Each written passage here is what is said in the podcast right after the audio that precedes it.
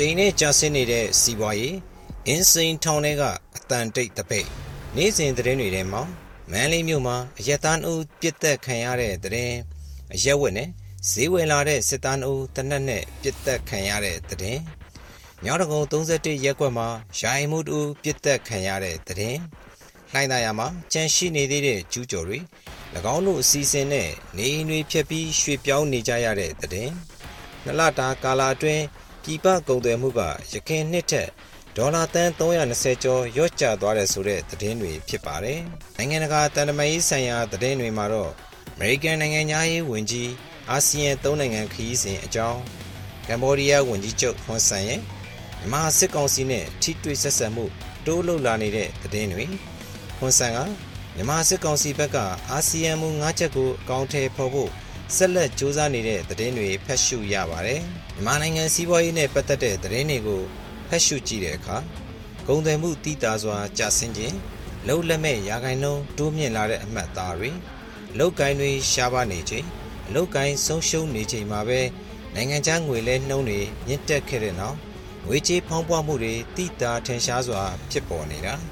ဟိုတယ်ခီးတွာလာရေးလုပ်ငန်းတွေရဲ့အနာဂတ်မျှော်လင့်ချက်လွန်နေပါနေတာ နေဆက်ကုန်သွယ်ရေးလမ်းကြောင်းကိုအဓိကမိခိုနေရတဲ့စီးပွားရေးထုတ်ကုန်တွေရဲ့ဈေးကွက်ပြက်ပြားနေတဲ့အခြေအနေတွေကိုသတင်းတွေဖတ်ရှုနေရတာဖြစ်ပါတယ်။ဒီရင်းစစ်မီကတဖြည်းဖြည်းကျေပြန့်လာမဲ့လက္ခဏာတွေတွေ့လာရချိန်မှာနိုင်ငံတကာယင်းနှိမ့်မြုပ်နှံမှုတွေအသစ်ဝင်ရောက်လာဖို့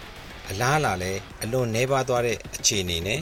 ဝင်ရောက်ပြီးသားယင်းနှိမ့်မြုပ်နှံမှုလုပ်ငန်းတွေဒီပင်လျင်ရက်ဆိုင်တာထွက်ခေါ်တာတွေတွေ့မြင်နေရလို့ လောက်ကိုင်းအခွင့်အလမ်းတွေဆုံးရှုံးလာနေတာမဆန်းဘူးလို့ဆိုရမယ့်သဘောဖြစ်ပါတယ်။ဘဏ်တွေမှာငွေသားထုတ်ယူဖို့အခက်အခဲအကန့်အသက်ကလာနေချီကြာရှည်လာနေချိန်မြို့ပြတွေရောကျေးလက်တွေမှာပါနိုင်ငံရေးတည်ငြိမ်မှုမရှိခြင်းနိုင်ငံရဲ့အချို့ဒေသတွေမှာလုံခြုံရေးအကြောင်းကြောင့်အသွာအလာအကန့်အသတ်ဖြစ်ပွားနေတာတွေကဂုံသွယ်ရေးစီးပွားရေးတွေကိုဆိုးရွားစွာထိခိုက်စေတာပဲဖြစ်ပါတယ်။ အလောက်ကိုင်းဆုံးရှုံးတာတွေကကျွန်တော်တို့ပတ်ဝန်းကျင်မှာကိုယ်တိုင်သိရှိခံစားနိုင်ပြီးစီးပွားရေးကျဆင်းမှုနဲ့ပတ်သက်တဲ့ကိန်းဂဏန်းတွေညွှန်းကိန်းတွေကိုကမ္ဘာ့ဘဏ်အစီရင်ခံစာအာရှဖွံ့ဖြိုးရေးဘဏ်အစီရင်ခံစာတို့မှာတွေ့ရမှာဖြစ်ပါတယ်။လက်တလော ADB အစီရင်ခံစာအရဆိုရင်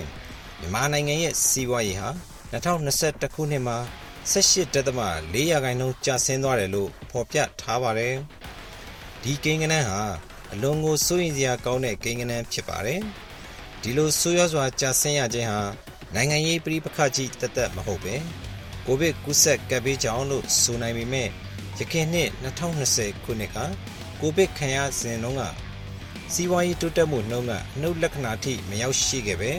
စစ်အာဏာသိမ်းပြီးဆယ်လကျော်ကာလစစ်တမ်းရဲ့ရလကအနှုတ်လက္ခဏာကို18ရာခိုင်နှုန်းကျော်ထိုးဆင်းသွားတာပါအခုလို စီးပွားရေးတွေကျဆင်းနေချိန်အလုတ်ကင်တွေဆုံးရှုံးနေချိန်ဝင်ငွေတွေပျောက်ဆုံးလာနေချိန်မှာမြို့ပြကကျူးကျော်တွေကိုပြီးခဲ့တဲ့3လအတွင်းရှင်းလင်းဖယ်ရှားနေတာကဒုက္ခတွေထက်ဆင့်စေတာမြို့ပြကအောက်ဆုံးအလွှာလူဒန်းစားကိုနိုင်ငံရေးအရထောက်ခံမှုလှုပ်ရှားမှုတွေထဲမပါဝင်နိုင်အောင်ထိုးနှက်တဲ့နိုင်ငံရေးနီးပရိရဲ့တခုလို့ကောက်ချက်ချရပါတယ်အခုလိုကျူးကျော်ဖယ်ရှားမှုဟာ ရန်ကုန်မြို့ကလှိုင်းသာယာလိုမြို့မှာကျူးကျော်ဖြစ်နေထိုင်ကြတဲ့လူသိန်းတဲ့ချီကို ထိခိုက်စေတာဖြစ်ပါတယ်အဲ့ဒီအထက်ကအများအပြားကနေမျိုးတွေကြေးလက်တွေသူတို့လာတဲ့ဇာတိတွေကိုပြန်ကောင်းပြန်သွားကြရပါလိမ့်မယ်မြို့ပေါ်မှာအလုတ်ကန်ရှားပါလာချိန်မှာအခုလိုနေစရာအတွက်ပါပြဿနာဖြစ်လာတာကြောင့်နောက်ဆုံးမြို့ပေါ်ကပြန်ဆင်းပြီးကြေးလက်မှာပြန်ခိုးဖို့နီးလန်းပဲဖြစ်ကောင်းဖြစ်ပါလိမ့်မယ်လူပြက အလုတ်ကန်ခွင်လန်းရှိပြီးအခွန်အကောက်လို့ပြည်တွင်းစစ်ရဲ့ကြရိုက်ရိုက်ခတ်မှုတွေမခံစားရတဲ့အာသာကြကြောင့်ဆယ်စုနှစ်တွေနဲ့ချီပြီးဂျေးလက်ကသူတွေကမျိုးပြကိုပြောင်းရွှေ့လာခဲ့ကြတာမျိုးဖြစ်ပါတယ်။စီးပွားရေးကျဆင်းမှုကျူးကျော်ပြဿနာတွေအပြင်အခြားသတင်းတွေထဲမှာလက်ရှိအာဆီယံဥက္ကဋ္ဌဖြစ်လာတဲ့ကမ္ဘောဒီးယားနိုင်ငံဝန်ကြီးချုပ်ရဲ့မြန်မာစစ်ကောင်စီနဲ့ထိတွေ့ဆက်ဆံရေးမူကဘယ်လောက်လူကြိုက်များမယ်မှန်းမသိပေမဲ့လည်း ဒီမူဝါဒကစစ်ကောင်စီအတွက်အာဆီယံဒေသမှာထွက်ပေါက်တစ်ခုရစေမှာဖြစ်ပါတယ်။နှစ်စဉ်အလှည့်ကျတဲ့ကမ္ဘောဒီးယားဝန်ကြီးချုပ်ကြောင့်စစ်ကောင်စီဖို့အာဆီယံဒေသမှာ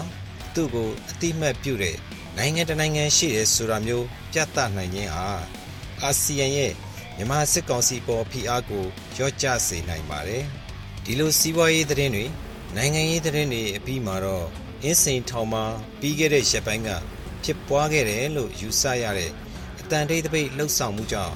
နိုင်ငံရေးအကျဉ်းသားချုပ်ရိုက်နှက်ခံရတာရှိတယ်ဆိုတဲ့သတင်းတွေထွက်ပေါ်လာပါတယ်ဘသူတွေဥဆောင်ကြတယ်ဘလို့နှိပ်စက်ခံရပြီးထိခိုက်ဒဏ်ရာရမှုဘလောက်ရှိခဲ့တယ်လဲဆိုတာတော့ရှင်းရှင်းလင်းလင်းမသိရသေးပါဘူးလို့ရေးသားထားပါတယ်ခင်ဗျာ